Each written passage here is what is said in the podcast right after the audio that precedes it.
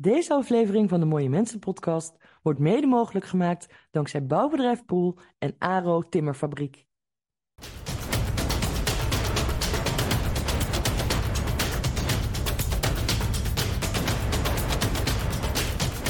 Welkom en leuk dat je kijkt of luistert naar de Mooie Mensen podcast. Mijn naam is Kiki Schepens en behalve podcastmaker ben ik ook gecertificeerd vertrouwenspersoon. En daarom ga ik vandaag 8 maart, de Internationale Vrouwendag, in gesprek met een kanjer van een klokkenluider. En we gaan het hebben over vertrouwenspersonen, klokkenluiders. Maar als ik zeg Close Up, het boek M, Jean-Luc Brunel, Jeffrey Epstein, Me Too, The Voice, dan is het niet voor niks dat deze aflevering de titel heeft Herrijs uit je as. En dat ga ik doen met niemand minder ik noem daar al een kanje, maar dat is ze ook echt. Titia Huisman. Ik wens je heel veel kijk- en of luisterplezier. En laat aan het eind even weten wat je ervan vindt.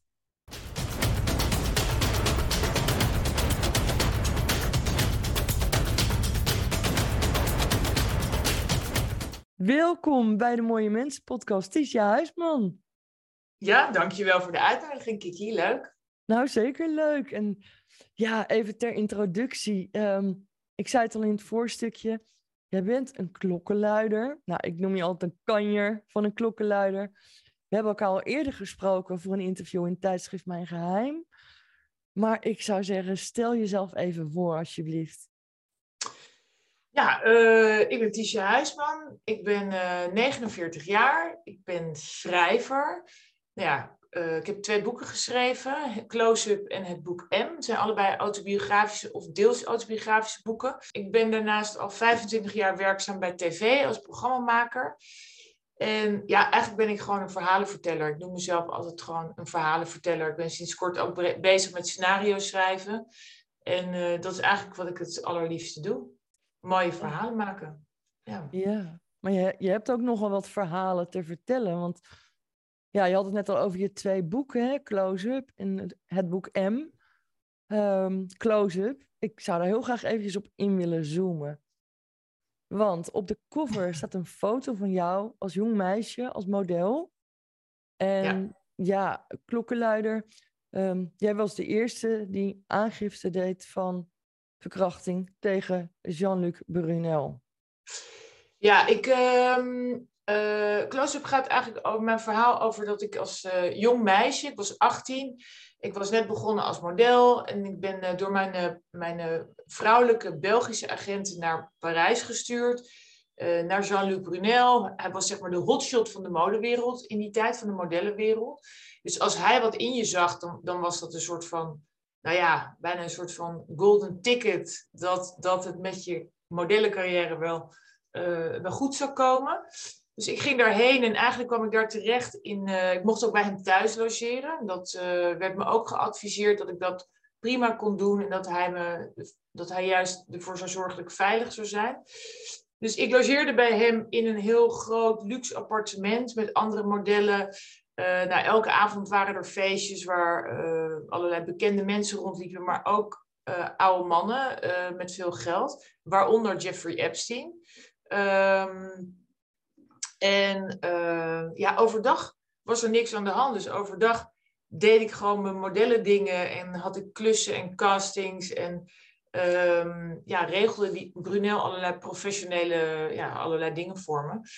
Uh, alleen s'avonds veranderde die. En uh, eigenlijk de hele week tijdens die feestjes, waar je dus ook geacht werd om bij te zijn, mm -hmm. um, ja, was, was er continu wel opmerkingen. Uh, uh, probeerde die aan me te zitten. En ik weet nog wel dat ik dacht van ik moet hier weg. Dat heb ik intuïtief echt wel een aantal keer gedacht. Van oh, wacht even, maar dit, maar dit is niet oké.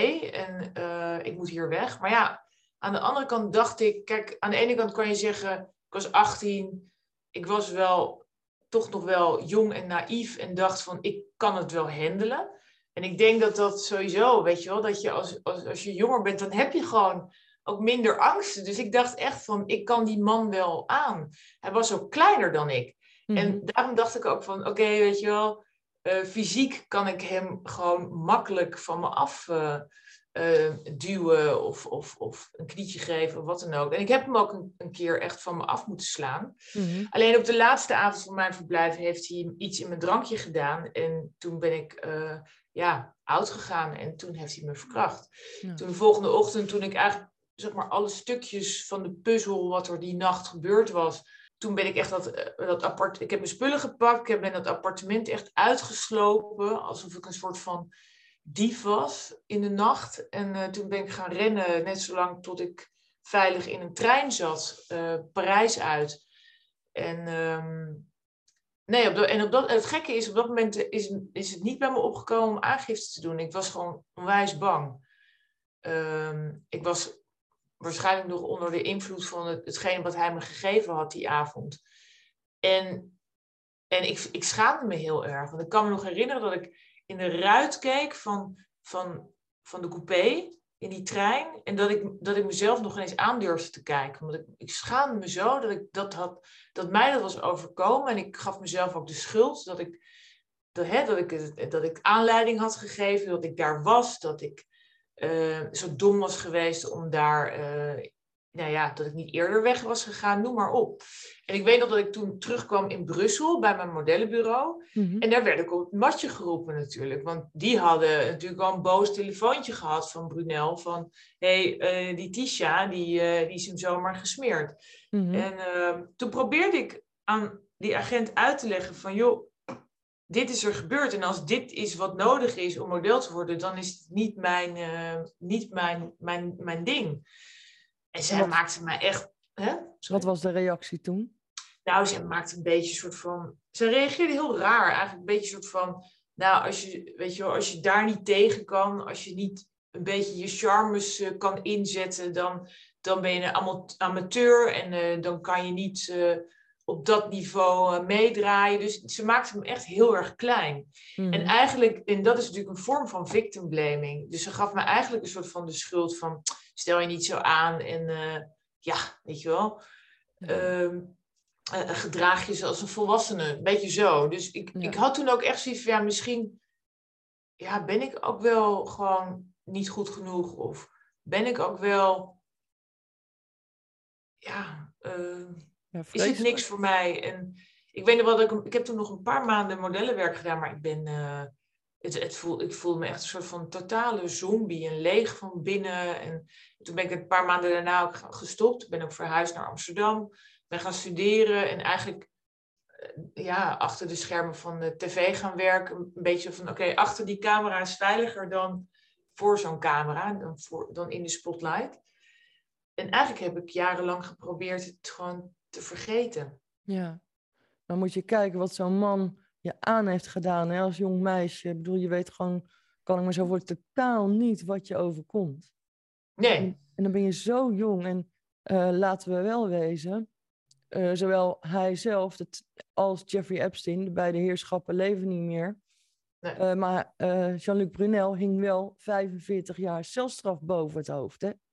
Ja, nou ja, het is, weet je, dat was in 2017, toen eigenlijk toen met MeToo, hè, met, toen al die verhalen over Harvey Weinstein naar boven kwamen. Mm-hmm. Toen, dat was voor mij zo'n soort van alarmbel die in mijn hoofd afging. Want ik herkende gewoon wat, wat die vrouwen vertelden over wat ze met die Weinstein hadden meegemaakt. En dat is natuurlijk machtsmisbruik. En dat is met Brunel wel gebeurd, is dat ook gebeurd. Want hij maakte misbruik van zijn machtspositie. Ja. Zo van, uh, joh, uh, je moet dit doen. Uh, want als je dit niet doet, dan kan je je carrière wel vergeten. En dus ik weet nog wel dat ik toen, dat was in 2017, echt zoiets had van, wow, oké. Okay. En toen ben ik, in eerste instantie ben ik erover gaan schrijven. En ik ben in therapie, was ik toen. En toen ben ik voor het eerst over die verkrachting gaan praten. Mm-hmm. En die drie dingen was voor mij, zijn voor mij echt een soort van katalysator geweest, waardoor ik uh, stappen durfde te nemen. Maar in eerste instantie, ja, mijn zaak was verjaard. Want na twintig jaar verjaard ver, verkrachting. Um, dus ik dacht van, ik moet hem op een andere manier, moet ik hem, ik wilde hem spreken. Dus ik ben toen als een soort van detective, met, ja, met mijn programmamakers achtergrond, weet ik echt wel hoe je mensen zoekt en zo. Mm-hmm. Uh, dus, dus toen ben ik hem echt gaan zoeken en geprobeerd contact te leggen. En ja, uh, ik weet nog op een moment dat ik heel dichtbij was. Ik had een vriendin van hem gesproken, een goede vriendin. En uh, die zei, oh nou, ik laat hem je terugbellen, want hij is net de deur uit. Mhm. En het enige wat ik wilde is gewoon met hem een gesprek aangaan en hem in zijn ogen kunnen kijken en kunnen vragen van waarom heb je dit gedaan, weet je wel? Waarom is dit gebeurd? En, mhm. ehm, maar goed, dat was een soort van ja, doodlopende weg. En toen kwam, ik kwam, was er ook achter gekomen dat hij de ronselaar van Jeffrey Epstein was. En ik herkende de foto van Epstein. Mm herkende ik die man die ik dus in, twee, in 1991 eh, toen in Parijs ben tegengekomen. Mhm. Dus ik wist van, hé, hey, er zit, er zit, ik ben niet het enige slachtoffer. Dat besefte ik me toen heel goed, van ik ben niet de enige. Ehm, maar eigenlijk ja, begon alles pas te rollen toen Jeffrey Epstein in 2019 gearresteerd werd. Er werd mm een oproep gedaan van mocht je uh, informatie hebben uh, over deze zaak, over hem of over zijn co-conspirators, dan uh, neem contact op met de FBI. Dus ik heb in eerste instantie heb ik met de FBI gesproken. Mhm. Ehm, maar uiteindelijk heb ik met de, met de hulp van een advocaat aangifte gedaan tegen, tegen Brunel van verkrachting. En dat met heel veel tamtam -tam gedaan. Dus met heel veel aandacht ervoor vragen in de media. Omdat ik wist, er zijn andere slachtoffers. Um, en mijn zaak was verjaard. Dus het was gewoon ja, dat was eigenlijk een strategie om ervoor te zorgen dat er uh, zaken of, of, vrouwen naar voren zouden komen die, uh, waarvan, die, waarvan die zaken niet verjaard waren. Dus die nog zeg maar uh, recenter gebeurd waren. En ja, dat heeft nog anderhalf jaar geduurd. voordat ze hem eindelijk konden oppakken. Maar ondertussen hadden er 15 vrouwen aangifte gedaan na mij. Ja. En pas bij de laatste drie waren er, ja, konden ze hem eindelijk pakken omdat, omdat die zaken gewoon uh, uh, nou ja, recent genoeg waren. Ja, maar moet je kijken, hè? Uh, ik vind het zo dapper dat je het gedaan hebt. Na jou volgt het er meer. En ja. ik, ik kan me zo voorstellen, er zijn ongetwijfeld nog veel meer meisjes en vrouwen slachtoffer geworden. Maar de drempel om aangifte te doen, die is behoorlijk hoog. Dat is mijn ervaring met slachtoffers van zeden of seksuele misdrijven. Maar je hebt het toch maar gedaan, Ties. Ja, en ja. ja weet je, grote bewondering daarvoor. Je boek Close-up. Ehm, daarna, want het boek was nog niet uit, toen kwam het boek M. Um, ja. ja. overigens ook een, uh, ik heb het gelezen. nou, fantastisch boek. Boek dat ik in twee dagen uit had. Ja, leuk om te horen is dat. Ja, fantastisch. Dat, dat las zo snel weg. Geen enkele bladzijde was saai. Ah, dank je. Dat is leuk om te horen. Maar uh, ja, ik zou ook uh, voor willen zijn mensen die jouw boeken willen lezen. Uh, Zowel Close-up als eh, het boek M. Ja. Op welke site zouden ze jouw boeken kunnen bestellen, Tisha? Want ik vind het echt sowieso ja, aanraders. Uh, ja, je kan sowieso via de site van mijn uitgever, Pepperbooks. Uh, maar uh, daarnaast ook gewoon via de reguliere boekenhandels kan je het bestellen. Maar ja, daar eigenlijk. Oké, nou dat is altijd goed om te weten. En ik zal het ook sowieso ehm, vermelden onder de video op YouTube. Als mensen meer willen weten, moeten ze gewoon eventjes naar pepperbooks.nl gaan. Ja. en ik vind het altijd heel leuk om te horen van mensen wat ze ervan vonden. Dat, dat helpt mij ook. ook heel leuk. Ja, ja dat helpt me ook. Ik denk, oh, oh ja, wacht even, dit komt goed over. Of dit had ik misschien, ook misschien iets beter. Of sneller moeten vertellen of minder snel. Of, dus ik vind het altijd heel leuk om van mensen te horen of, het, uh, of ze, wat ze ervan vinden. Ja, en, en nodig dat ook uit voor jezelf? Daagt het je ook uit om te blijven schrijven? Ja, nou, dat is echt wel um, eigenlijk uh, vijf jaar, wat ik net al vertelde, weet je wel, dat, dat ik dat, dat, dat, dat, dat hele proces van, van schrijven en therapie en, en klokkenluider zijn. En, en uh, dat was best wel heftig. Um, maar ik zie het echt als een groot cadeau um, dat ik het gedaan heb. En ik zie het ook als een cadeau. Het, schrijven zie ik ook als een cadeau. Want ik, ben, ik, ben, ik, kan, ik vind nu nog wel eens in mijn bureaulaadjes ideeën die ik ooit heb opgeschreven in, uh, in de afgelopen jaren, maar er nooit wat mee gedaan heb. Uh, en nu um, ja, dat, heb ik dat schrijven echt ontdekt, dat ik het kan en dat ik het ook kan afmaken. En dat ik ook echt een, een, een nou gewoon dat, het, dat ik ook echt het kan, kan maken van A tot Z. En dat is wel echt een soort van cadeau. En daar ben ik ook heel dankbaar voor. En dat ik echt denk van ja, dat is gewoon echt een, cadeautje van het universum, uh, als je het zo wil noemen. Mm ja, en ik kan daar ook echt heel veel in kwijt. En, en wat je in die bureaulaadjes onder andere gevonden hebt, is dat dan stof voor een derde boek? Uh, ja, nou mijn derde boek, daar ben ik nog druk, dus een beetje, daar ben ik druk mee bezig. Uh, ja. Maar het zit nog een beetje in de beginfase. Mm -hmm. um, dat wordt echt een thriller. Dus mijn eerste twee boeken, uh, het boek Emme en Close-up, waren echt autobiografisch. Um, maar goed, daar ben ik nu wel een beetje even mee klaar. dus, en ik merkte ook al bij het schrijven van die twee boeken dat ik, dat ik spanning en toch wel thriller elementen dat ik Mhm. dat heel leuk vind om, uh, om, om, om op die manier te schrijven. Dus de, mijn derde boek wordt een uh, thriller en speelt zich af in de tv-wereld. Wow. En heb je ja. al enig idee, kun je daar iets over zeggen wanneer het ongeveer uit zou komen? Want ja, je maakt ik, me hoop, nieuwsgierig. ik hoop eind van dit jaar. Oké, Ja. ja. Ja. goed. Ik volg je toch al op Instagram. Ehm, Ja. ja, even, want daar had ik me toen eventjes mee vergist. Het is op Instagram tisia.huisman, hè? Ja, klopt. klopt. Ja, want anders ja. komen mensen op een oud account uit. eh, uit Ja, die ik niet kan deleten en dat is heel irritant. Dus het is Tisha.huisman. Ja, Ja, ja. Tisia.huisman, oké.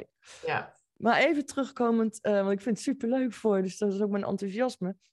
Even terugkomend op het verjaren van seksuele misdrijven. ja. Ja, want deze podcast heet niet voor niks, hij reist uit je as. Ja. Nou, weet je, eh, dat is het heftige, is dat eh, toen ik eindelijk eh er aan toe was om aangifte te doen, toen, toen was het eh, 28 jaar later. En toen had ik, kon ik pas zeg maar, over die schuld- en schaamtegevoelens heen stappen. En, ehm, en had ik de kracht om aangifte te doen. En dan is het dus te laat. En ik ben nu, eh, ik, heb, ik heb veel contact met andere slachtoffers van, eh, van eh, seksueel misbruik, seksueel geweld. En je hoort altijd hetzelfde. Het, het, is, het, duurt soms een leven om, om, daar, om, om er aan toe te zijn om aangifte te doen, als je het al doet. Want er zijn ook heel veel slachtoffers die zoiets hebben van, nou, ik ga nooit aangifte doen. Dat, dat ga ik gewoon niet doen. Dat, dat, dat hele, daar, daar, daar begin ik niet aan. En ik vind dat zo schrijnend. Ik vind als je er eindelijk aan toe bent dat je dus niks meer kan juridisch. Ik vind het schrijnend dat als slachtoffer van seksueel geweld te maken krijgt met victim blaming. En dat is iets wat maatschappelijk zo in, ja, dat zit zo in onze maatschappij verankerd. Dat je dus als slachtoffer van seksueel geweld, oh, dan zou je het wel voor een deel over jezelf hebben afgeroepen. Ja, Uh, dat is gewoon standaard zo. En, uh, dat is gewoon walgelijk. Ja. Ja, walgelijk heel erg voor slachtoffers. Dan geef je ze nog eens een keer een klap. Ja, ze noemen het ook wel second rape. Hè? Dus, ja. uh, dus de reacties van de omgeving als je vertelt dat je verkracht bent of aangerand. En ja, uh, ja, dat zijn wel dingen waar, waar ik vind dat we, dat we iets aan moeten, moeten veranderen. Weet je wel? Daar, mm. daar valt nog echt wel een heel, heel veel winst op te behalen. Uh, en één daarvan is dus het aanpassen van die verjaringswetgeving. Dus het verruimen van uh, de periode waar je dus aangifte in kan doen. Mm-hmm. En, um, en daarnaast denk ik ook dat we, ja, wat ik ook echt heel heftig vind altijd om te horen, um, dat, dat het soms anderhalf jaar tot twee jaar duurt voordat, uh, voordat je zeg maar, voordat de politie je zaak gaat onderzoeken. Mm-hmm. En, en dan gaan ze nog eens kijken van ja, we, we, ja kunnen, hebben we wel genoeg bewijzen? En dan wordt er door het OM gekeken of er überhaupt een zaak van gemaakt wordt. Ja, ja weet je, dan ben je gewoon jaren verder. En dat is gewoon zo uh, belastend. En dan is het nog maar is het echt een minimaal percentage wat überhaupt ooit. Uh, uh, minimaal percentage van de daders wat ooit veroordeeld wordt. Ja. Dus ja, ik denk dat daar nog wel echt wel wat nou ja, aan verbeterd kan worden. Zeker wel. En ik, ik Ja. deel ook geheel jouw mening. Ja, want dat is ook wa- wat ik ervaar met slachtoffers van huiselijk geweld. Dat het gewoon allemaal ook te lang duurt. De bewijslast is vaak verdwenen of moeilijk. ja. Mensen worden alsnog bedreigd. Dat moet gewoon stoppen. Ja, Hè, dus ja, ieder besteedt daar op zijn eigen manier aandacht aan. Maar van jou weet ik, uh, ja, je bent onder andere in de EU geweest om daarvoor te pleiten. Maar er is Ja. ook iets gebeurd bij de Senaat in Frankrijk, dankzij, of mede dankzij jou. Vertel. Ja, ik, heb me, ik ben samen met een groep van andere, ja, wij noemen onszelf survivor sisters eigenlijk. Dus uh, overlevers. Ik, ik vind het, het, woord slachtoffer altijd ook wel een lastig woord. Dus ik, ik zeg eigenlijk altijd dat ik een survivor ben, een overlever. Um, en samen uh, ja, zijn wij in de Franse Senaat geweest op uitnodiging van een aantal uh, senatoren. Uh, en hebben ons daar, daar ons verhaal ge, gedaan om te, te, te, ja, te lobbyen, eigenlijk om te pleiten voor dus het verruimen van die verjaringstermijnen. Mm -hmm. en, ehm, en dat is wel heel mooi, want daaruit voortkomend is dus, zijn er echt wel ja, dingen gebeurd. Dus nu in Frankrijk is er een, uh, komt er volgens mij, het is er nog niet, komt er een aparte rechtsgang, dat noemen ze een tribunaal, een aparte rechtsgang voor zedenmisdrijven, mm -hmm. zodat, uh, zodat je zaak zeg maar sneller uh, afgehandeld wordt. Ja. Dus dat is, dat is wel heel mooi. Dat is dan wel in Frankrijk, maar goed, mijn, mijn zaak was natuurlijk ook in Frankrijk. Ja, ik denk dat dat sowieso een hele mooie ehm, ja, stap in de goede richting is. En uh, ja. ik hoop uh, ook dat dat in andere landen, um, dat, dat er wordt gekeken om daar, uh, daar verbetering in te brengen in ieder geval. Ja, ik, ik zou eigenlijk dan de overtreffende trap willen gebruiken om gewoon daadwerkelijk te onderzoeken of die mogelijkheid ook niet in andere Europese landen en vooral ook in ja. ons eigen land ingesteld ja. kan worden. Ja, waarom niet?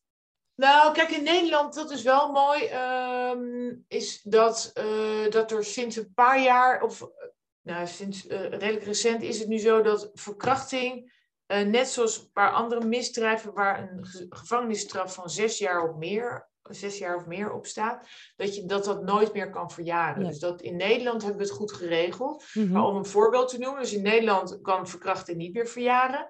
In Frankrijk is het na twintig jaar verjaard. Maar in België na tien jaar al. Ja. Dus ja, dat, dat is gewoon echt, heel, echt veel te kort. En zo is het dus in elk land anders. Dus daarom zijn we ook naar de EU gegaan in Brussel, ja. het Europees Parlement, uh, om daar zeg maar ons verhaal te doen en daar te lobbyen. Maar goed, voordat je al die neus in dezelfde richting hebt, dat duurt wel uh, een tijd. Dus uh, mm -hmm. dat is nog een work in progress. En hoe waren de reacties daarop toen je, want ik ik zag je daar ook staan met, met de Survivor Sisters. En ik dacht, oh, ja, nou, super mooi. Ja, het was sowieso, uh, de plek vond ik wel heel indrukwekkend. Daar, trouwens, de Franse Senaat was ook wel heel indrukwekkend. Maar ja, die, die, in Brussel, dat is gewoon echt een klein, als je door die beveiliging bent, een soort van mini-staatje aan zich. Uh, mm. uh, met overal, nou ja, gewoon al die lidstaten, al die verschillende nationaliteiten. Um, maar het, het, eh, het spreken zelf was, of die meeting zelf was indrukwekkend, omdat ik zat dus naast een senator, een Franse mhm. senator, een vrouw. En het viel me al op dat zij heel gespannen was. Dus zij, ja, ik had een hand gegeven en ik, ik merkte gewoon alles dat ze gewoon strak stond van de spanning. En ik vond het gek, want ik dacht, ja, dat ik strak sta van de spanning, omdat ik hier zo meteen mag spreken. Ja, ik bedoel, jij doet dit elke dag, dacht ik nog bij mezelf, weet je wel. Mm -hmm. Van, uh, en toen uh, deden wij allemaal ons verhaal. En toen op een moment nam zij het woord. En toen, uh, ja, toen, toen eigenlijk toen, nou ze barstte nog net niet in tranen uit. Maar ze vertelde dus dat ze dus zelf ook zoiets had meegemaakt. Dat ze ooit aangerand was in de Parijse metro met, in aanwezigheid van haar kind. En, uh, en dat ze eigenlijk daar ook nooit echt over gepraat heeft. Omdat ze zich altijd geschaamd heeft. En dus het, het kwam bij die vrouw zo binnen Snap ik. En, uh, en toen, ja, dan besef je, dan besef je, ja, besefte ik me ineens van, oh ja, wacht even. Wow, ja, dit, dit, is, dit gebeurt zoveel. Dit is, ja, ja. Ik merk het ook altijd aan de reacties van, ja, vooral vrouwen, ook wel mannen trouwens. Uh, maar vooral van vrouwen, dat gewoon bijna elke vrouw heeft wel iets meegemaakt. En ik zeg niet per se verkrachting, maar wel nou ja, grensoverschrijdend gedrag, uh, je ongewenst aangeraakt, wat dan ook. Het, het, is, het is, ja. Er is ook recentelijk onderzoek naar gedaan. Ja, vanuit mijn vakgebied als vertrouwenspersoon wordt dat gelukkig ook steeds meer ja, ja. uit het verdomhoekje gehaald. Dus daar ben ja. ik alleen maar blij om. Maar er is nog zoveel werk te doen. Ja. Um, want ja, behalve de EU, wat gaat er nu gebeuren? Is, is daar een toezegging over gedaan? Of? EU e niet, dus dat is allemaal nog, daar, dat, daar wachten we nog op. En in, ehm, in, we hebben wel een aantal senatoren die echt wel voor onze zaken willen pleiten en dat mhm. ook echt op de agenda hebben gezet. Dus dat, dat, het staat wel op de agenda. Mm Maar het, uh, ja, voordat daar een soort van consensus over bereikt wordt, dat duurt wel even. Ja. En ja, pas een jaar na dato, um, na ons bezoekje in de Senaat, zeg maar, zijn daar, is daar een soort van verandering. Um, ja. ja. is er pas verandering gebeurt er iets. Dus dat duurt gewoon altijd. En ik ben heel ongeduldig. Dus ik heb altijd zoiets van, nou, uh, top, top, job, job en uh, door. Maar ja, zo werkt, het, zo werkt het helaas niet. Het zou niks voor mij zijn om in de politiek te gaan. Nee. nee. Oh nee, als er iets een orgaan is, dan is het dat. Ja. Maar toch hoop ik wel dat je er bij hebt gedragen. En nog steeds, dat doe je sowieso. Maar dat, dat je misschien de EU al is maar een heel klein stukje in beweging krijgt. Ja. ja. ja. Dat zou wel mooi zijn. Zeker, zeker. Want ik geloof ook echt dat, dat, dat, dat er verandering uh, nodig is. En dat, je dat, dat er verandering nodig is, politiek gezien, maar ook maatschappelijk gezien. En dat, dan heb ik het meer over victim blaming en over de verzorging. Dus van educate your sons, educate your children van seksueel geweld en wat zijn grenzen en hoe moeten we daarmee omgaan. Het zijn, het zijn natuurlijk meerdere dingen. Dus, en daar zet ik me nog steeds voor in. En daar zou ik me altijd zolang het nodig is, uh, zou, zou ik van me laten horen. Dus uh, ja. ja. Nou ja, kijk, het is jou gelukt. En, en natuurlijk uh, met behulp van therapie, gelukkig maar, door erover te spreken. Ja, om als het ware te herreizen uit je as. Ja. Um, spreken. Wat, is er iets wat jij zou willen zeggen tegen slachtoffers van aanranding of verkrachting? Kun je daar een advies in geven? ja, ik heb, ik heb, ja, en wat ik, wat ik belangrijk vind is dat, dat het aller, allerbelangrijkste is dat het niet je, je eigen schuld is. En dat je dus ook niet voor moet schamen. En dat, dat is gewoon, ja, we hadden het er net al over. Dat is gewoon iets wat altijd uh, bij slachtoffers speelt. Van, oh ja, had ik maar dit of uh, heb ik, had ik maar niet dat gedaan. Um, dus de schuld heel erg bij zelf. En dat, weet je, dat is gewoon het is niet jouw schuld en je hoeft je niet te schamen. En ik weet hoe moeilijk het is om aangifte te doen. Ik weet hoe moeilijk het is om überhaupt uh, je verhaal te vertellen aan iemand. Omdat je bang bent dat je veroordeeld wordt en dat mensen je anders gaan zien en iets van jou vinden. Um, maar uiteindelijk is het gewoon heel belangrijk dat, dat, dat je als slachtoffer aangifte doet. Want als je geen aangifte doet, dan kan een dader niet gepakt worden. En die dader, een dader is bijna nooit dat hij het bij één keer houdt. Dus een dader doet dat vaker, weet je wel. Dus je, ja. we moeten gewoon om dat soort mensen, mannen, mannen, het zijn vooral mannen eigenlijk, niet altijd, maar... Verkrachting wel, met, ja, kindermisbruik is weer een ander verhaal. Ja, ja. Maar... Um, dus moeten we gewoon, moet je gewoon aangifte doen, hoe moeilijk dat ook is. En ik weet hoe moeilijk het is, maar uiteindelijk uh, en vandaar ook reizen uit je eigen as. Het heeft mij gewoon heel veel gebracht.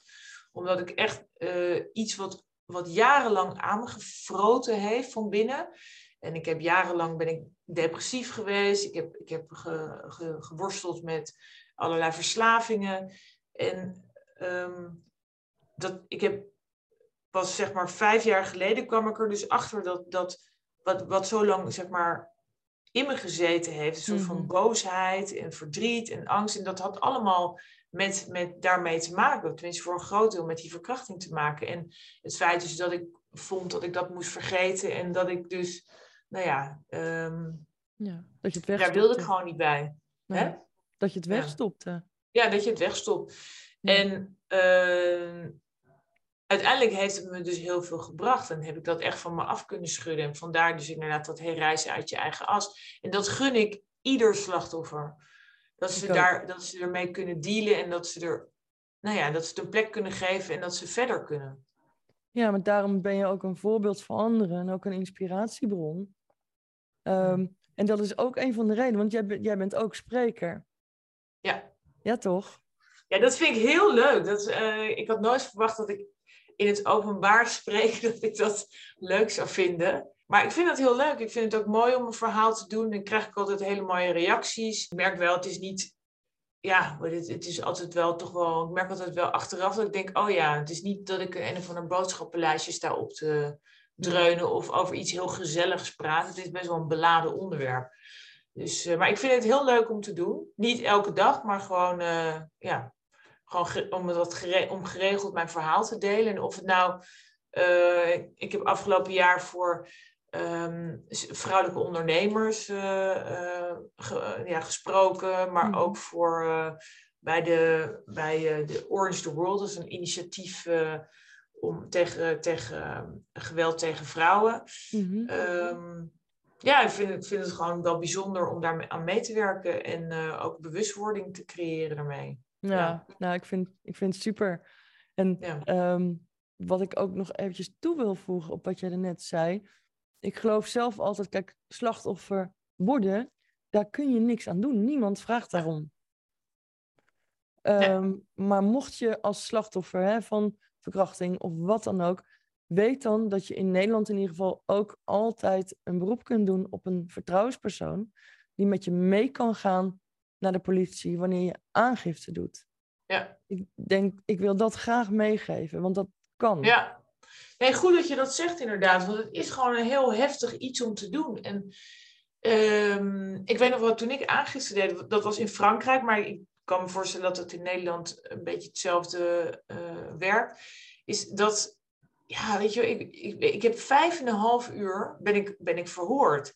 In een ruimte met spiegels. En ik had echt zoiets van, wie zit er achter die spiegels mee te luisteren? Hmm. Um, en in, tot, tot in details, weer, tot in detail, weet je wel, moest ik terug naar dat moment. Um, hoe de vloerbedekking eruit zag, hoe het rook, hoe, waar de tv stond, waar het bed. Uh, en, en het gekke is, is dat dat ergens in je hoofd Mm staat, zitten die dingen allemaal nog opgeslagen. Um, uh, en, en werd het ook door, door dat verhoor gewoon steeds helderder van, oh ja, wacht even, ik wist gewoon nog heel veel details. En, um, maar ik weet, ik weet, het was heel beladen. Ik weet nog dat ik daar vandaan kwam. Ik voelde me heel erg opgelucht, maar aan de andere kant ook echt van, nou ja, alsof, ik een marathon had gelopen. Ja, dat geloof dus het is heel fijn als er iemand meegaat uh, die je daarin kan steunen. Ja, fantastisch. Ja. Ja, van, ja dat, is, kijk, dat is gewoon mooi. Dat, dat, dat kan. Dat kan zeker. En uh, kijk, een vertrouwenspersoon die mag dan, die mag natuurlijk de melding of de aangifte niet voor jou doen. Nee. Maar die staat er toch net wat verder vandaan. Maar die kan jou wel gewoon steunen daarin. Ook al ja. schaam je je met een vertrouwenspersoon, moet je dat echt kunnen delen. Ja. Dat, dat vind ik, Ja. denk ik, van mijn kant uit ook heel belangrijk voor alle slachtoffers. Niet alleen van verkrachting hoor, maar van alle misdrijven. Van alles, ja. Neem iemand mee. Ja. Ja. En ehm, ja, ik vind het ook wel grappig dat je net zei wat spreken. Vind ik eigenlijk heel leuk om te doen. Dan denk ik, je hebt zoveel camera's op je gericht gehad. En dan sta je nu op podia. Ehm, ja, hoe voelt dat verder? Ja, ik vind, het, ik, nou ja, ik vind het dus echt heel leuk om te doen. En ik vind het ook mooi om een verhaal te delen. En ik ben er, ben er ook, ben ook trots op mezelf, van waar ik nu sta, weet je wel. En, Mag je ook ehm, zijn. Ja, maar dat. dat uh, en ik wil, wil ook laten zien van, kijk, je kan. Uh, en dat heeft ook weer met dat herreizen uit je eigen as te maken. Is dat je, uh, ook al is iets nog zo donker en heftig en negatief, er is altijd wel licht, weet je wel. En, en, en, en um, het komt goed. En, maar je moet er wel, wel mee aan de slag. Het is en dat met alles zo in het leven, denk ik. Dat je, weet je, als je verandering wil, of als je iets beter wil maken, dan moet je wel aan de slag. Dus je moet met jezelf aan de slag. Je moet, uh, het, komt niet zomaar, uh, nou ja. Um, het is niet zomaar dat het ineens zo, poef, oh hier is het. Nee, je moet er wel uh, mee voor, ja, aan het werk. Dat is maar waar. En, uh, ja. Maar, ja, het is, het is wel zo, denk ik, dat als je hulp aanvaardt, hè, want er is, Ja. er is hulp, Ja, als je die hulp aanvaardt, dat is dat een van de grootste cadeaus uiteindelijk ja die je jezelf absoluut. kunt geven. Ja, nee, helemaal waar. Nee, dus uh, nee, dat is ook zoiets. Ik had altijd in mijn leven, dacht ik van, uh, van ik moet het in mijn eentje doen. Um, ik ben ook alleen met mijn vader uh, opgegroeid. Mijn moeder is heel jong overleden. Dus ik heb ook altijd het idee gehad van, uh, dat ik het in mijn eentje moest doen. En dat ik sterk moest zijn en moest, um, ja, geen zwakte mocht, mocht tonen. Ja. Dus ik heb ook, en, en na die verkrachting in die periode daarna, dacht ik ook van, nou, dat moet ik gewoon uh, voor me houden. Ehm, dat mag niemand weten.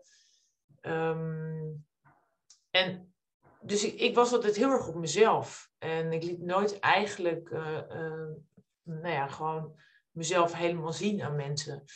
En, en ik zocht ook al helemaal geen hulp. Ik wist ook helemaal niet hoe ik dat moest. En eigenlijk pas vijf jaar geleden ben ik daar nou ja, mee begonnen. En toen dacht ik, oh, wacht even. Ja. Uh, ik ben niet de enige die hiermee, die hiermee loopt. En ik ben niet alleen. En dat was wel echt een eye-opener. Ja. Je zei er straks ook, dat geloof ik, je zei er straks ook slachtoffers krijgen vaak hele negatieve reacties van de omgeving. Hoe waren de reacties van jouw omgeving? Uh, je bedoelt mijn directe omgeving? Ja, eigenlijk wel, ja. Dat zijn volgens mij degene met wie je oud moet worden. Ja, nou, dit, mijn vader vond het gewoon heel moeilijk om, uh, om... En die had ook echt helemaal in het begin, toen ik met dit verhaal... want ik heb het hem ook nooit verteld toen, weet je wel. Nee. En ik weet nog wel dat ik het een paar jaar geleden aan hem vertelde. En dat hij zei van, nee, maar dit is een film, toch? Dit is toch niet echt? Oh. En ik zei, nee, pap, het is wel, dit is wel echt. En, uh, dus die was daar wel echt wel door in shock. En voor de rest heb ik wel echt uit mijn directe omgeving wel hele mooie reacties gehad. Uh, maar ook wel dat vrienden die mij al heel lang kennen zich... Um, zich ook wel schuldig voelde. Want toen zeiden, die zeiden, er zijn er meerdere geweest die dat zeiden, die zeiden van, je hebt dat wel verteld, maar altijd maar een heel klein beetje. Dus dan meestal als ik onder invloed was, als we bijvoorbeeld de avond uh, aan het stappen waren, en dat ik dan uh, vertelde dat ik met modellenwerk was gestopt vanwege, omdat er alleen maar viezerikken rondliepen. En, mm uh, en ik liet wel eens van die, van die kruimeltjes vallen, maar uh, en, die, en mijn vrienden voelden, voelden, zich, voelden zich nu dan, voelden zich eigenlijk nu um, ja, een beetje schuldig van, ja, hadden we daar maar, hadden we, we hadden daarover door moeten vragen. Je hebt het wel mhm. verteld, maar we hebben er niet over doorgevraagd. Maar ik, ik, ik, was ook, ik wilde er ook eigenlijk helemaal niet echt over praten. Nee. Dus, uh, dus dat is ook wel lastig. En daarnaast ja, heb ik um, ja, online, zeg maar, ik krijg heel veel mooie reacties, nog steeds, van mensen die close-up lezen of die een interview hebben gelezen met mij en zoiets hebben van, uh, ja, ik, de, en die, die, zich, die geraakt zijn meestal, en dat komt meestal omdat ze zelf ook zoiets hebben meegemaakt. Mm uh, en dus dat, dat, dat vind ik heel, heel mooi, dat, dat, uh, dat ze daar iets van troost in vinden of zo. En, en maar ja, daarnaast heb ik ook eh, te maken gehad met victim blaming. Dus allerlei mensen die, die stiekem lekker veilig vanaf op hun toetsenbord de meest ja, lelijke dingen zeggen. Ja. ik ben hoer genoemd. Um, de, waarom ik er nu pas mee kwam na al oh die jaren. Dat ik een leugenaar was. Dat, ik, uh, dat ze me niet geloofden. Dat ik, ik heb geld geboden gekregen. Want ik zou het vast wel voor geld wel doen. Nou, echt allemaal van dat soort opmerkingen. Maar goed, dat is... Uh, dat, ja. Herkenbaar. Ja, ja. ja. Dus maar, het is heel triest. Ja. ja, het is triest. Maar ik heb het zelf altijd beschouwd als het gebrek van de ander. Oh ja, dat is een goeie. Ja, ja, als je iemand zo naar beneden wilt halen en, en ja. echt dat echte victim blaming toepassen zonder echt feiten te kennen of in gesprek te gaan met mensen, zegt meer over de ander ja. dan. Nee. Toch? Ben ik met je eens, absoluut. En in die end is het alleen maar negatieve energie, dus. Ja. En dan geloof ik ook. Ja, dat ik, ja? ik vind het, ik vind, wat ik altijd uh, wat ik heftig vind, is dan, weet je wel, bij zaken als The Voice of nou ja, dat er ook speelt, um, een Thijs Reumer of, nou ja, um, en, en dat de slachtoffers worden gewoon standaard gewoon door het slijk gehaald. Ja. Uh, nog wel. Nog, ja, nog wel, ja. ja. Ga verder, ja. nee, en um, daartegenover, ik vind sowieso trial by media, dus ook dat, dat, dat daders al een soort van veroordeeld zijn voordat ze überhaupt een zaak is. Mhm. Ja, dat is, vind ik gewoon geen goede, is gewoon echt niet goed. Geen goede, goede ontwikkeling. Nee, dat, dat vind ik ook niet. En daarom ben ik zelf ook altijd voorzichtig met gelijk dan inhaken. Ja. Want je kent de dossiers niet, je hebt de betrokkenen niet gesproken, geen van alle betrokkenen. Ja. Dus laten we eerst even afwachten. Maar dat is juist wat jij in het begin van deze podcast zei. Zo belangrijk dat daarom juridische processen versneld worden. Ja, want bedoel, kijk maar naar de Voice. Eh, Ja, eh, dat, dat, dat duurt al meer dan een jaar en er Ja. is nog helemaal niks eh, naar buiten gekomen daarover. En, Nee. ehm, Nou, maar dus, en ik weet nog dat dat, dat, dat ook het frustrerende was. Dat ik, ik had aangifte gedaan tegen Brunel. Pas anderhalf jaar later hadden ze dus recentere zaken die niet verjaard waren, zodat ze hem konden arresteren. Mhm. Ehm, en toen zat hij, heeft hij anderhalf jaar heeft hij in voorarrest gezeten in Parijs in de gevangenis. eh, in afwachting van zijn proces. Maar dat had nog makkelijk twee, drie jaar kunnen duren. Ja. Ehm, en toen heeft hij, heeft, hij heeft toen zelf, of tenminste, hij is doodgevonden in zijn cel. Mhm. Ehm, dus er gaat geen proces komen. Maar ja, dat, dat dat zo lang duurt, dat is ook gewoon, ja, ik vind het gewoon eh, echt. eh, ja. Dan vind ik wel shocking. opmerkelijk dat jij zegt, hij is doodgevonden in zijn cel. En eh, ik ga nu het woord zelfdoding, zelfmoord noemen. En dan Mhm. verwijs ik altijd naar 1 en 3 zelfmoordpreventie. Ja. En mocht iemand suïcidale gedachten hebben. Ja. Maar mijn vraag aan jou, en je hoeft hem niet te beantwoorden, maar geloof jij? Of vind je het aannemelijk dat hij zelfdoding heeft gepleegd? Want Jeffrey Epstein, daarvan werd naar buiten gebracht dat hij dat ook gedaan heeft. Heb je Ja, daar een ik, mening ja, ik, vind het, ik, vind, ik vind het nog steeds een lastige. Het is bijna een jaar geleden. Ik weet dat ik echt, toen ik dat nieuws hoorde, was ik, was ik echt in shock. Mhm. Ehm, ik was heel boos in eerste instantie, want ik, ik had echt zoiets van... Ik had gewoon in mijn hoofd dat ik hem op een dag in de rechtszaal zou zien, dat ik mijn verhaal zou doen en dat ik hem in zijn ogen zou kijken en dat ik hem zou kunnen vertellen wat hij mij Mhm. eh, heeft aangedaan en wat dat met mij gedaan heeft. Mhm. Ehm, en dat gaat er nooit meer komen. Dus daar moest ik echt wel even een soort van. Ja, jemmig, weet je wel. Van oké. Dus dat was echt wel een klap. En daarna dacht ik van oké. ehm, hij is wel in de cel gestorven. En hij is miserabel tot zijn eind gekomen. Of hij nou zelfmoord heeft gepleegd. Of dat hij vermoord is. Wat ook, een, wat ook echt wel een aannemelijke optie eh, is. Maar hij is in ieder geval, heeft, is hij miserabel, is hij vreselijk tot zijn einde gekomen. Hm.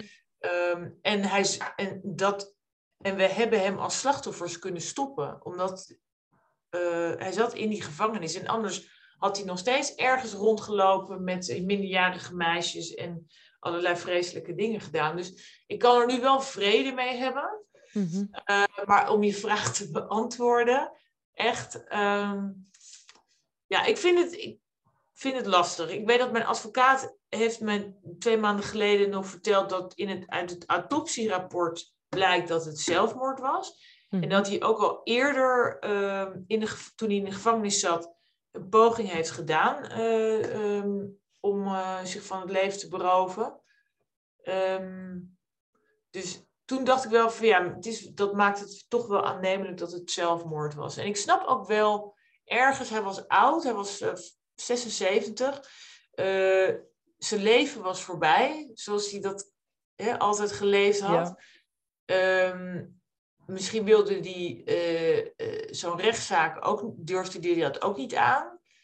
Ehm, dus ik vind het ook wel toch wel aannemelijk dat het, dat het, dat het zelfdoding is. Mhm. Maar ik weet nog wel in eerste instantie toen dat in februari dus naar buiten kwam, dat nieuws, dacht ik alleen maar van oké, weet je wel, hij is vermoord. Mhm. Eh, ze hebben hem gewoon, ze hebben, hij wist te veel en ze hebben hem, eh, eh, nou ja, het zwijgen opgelegd.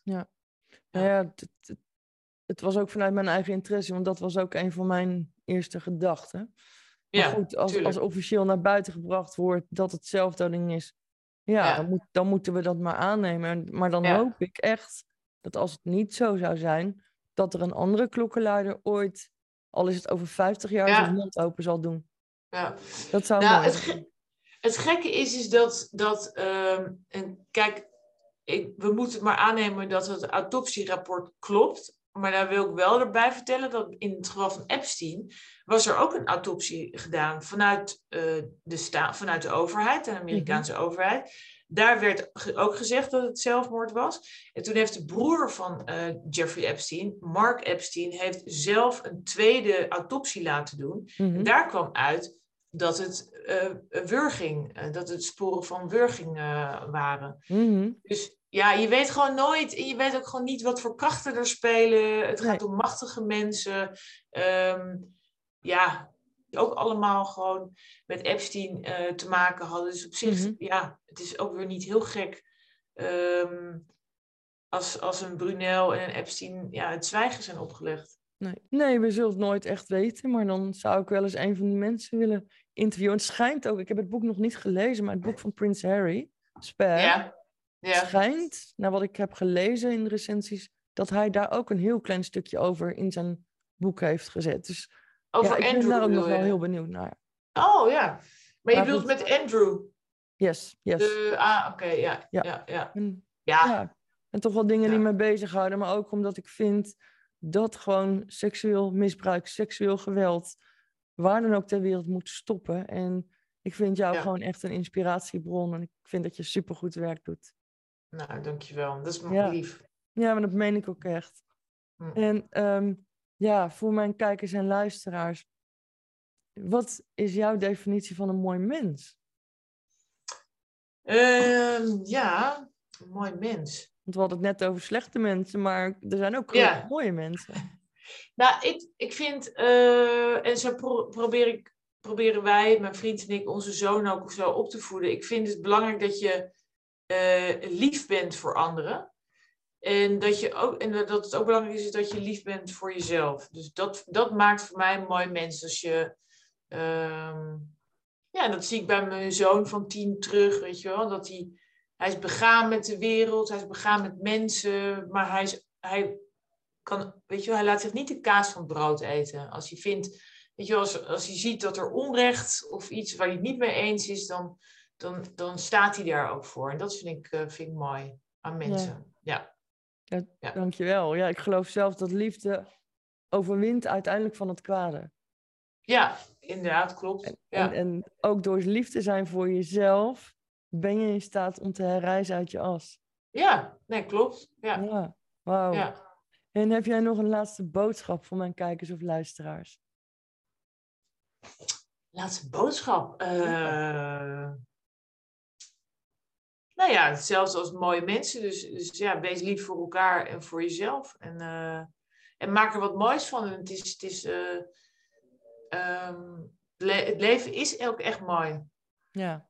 En dat kan ik vandaag de dag. Uh, geniet ik ook echt van, van, van, van, van alles. Weet je wel, of het nou kleine dingen zijn. En dat is denk ik het allerbelangrijkste. Dat denk ik ook. Dus... Ja. Ja, daarmee wil ik uh, deze podcast gaan afsluiten, Tisha. Um, ik kijk ontzettend uit naar jouw derde boek. Dus mocht die uit zijn, laat het me gerust weten. Yes, doe ik. Doe ik. Yes. En dan uh, ja, wil ik sowieso al mijn kijkers en luisteraars bedanken voor het kijken of luisteren naar deze podcast. Ik ben ook heel benieuwd wat ze ervan vinden. Dus als je me gezien of beluisterd hebt, laat even je reactie achter, ook op YouTube. He, want dan kan jij, Tisha, ook weer meekijken. Misschien uh, kun je daar ook weer wat mee. Ja, en dan leuk. zou ik uh, ja, tegen jou willen zeggen, ik wens je echt alle succes. Blijf strijden. En je bent een mooi mens. Dank je wel. Oh, dank je wel. Oké. En jij bedankt voor de uitnodiging. Geen dank. Leuk. Tot de volgende keer. Oké. Oké. Bye Tisha. Doei. Hoi. Bye.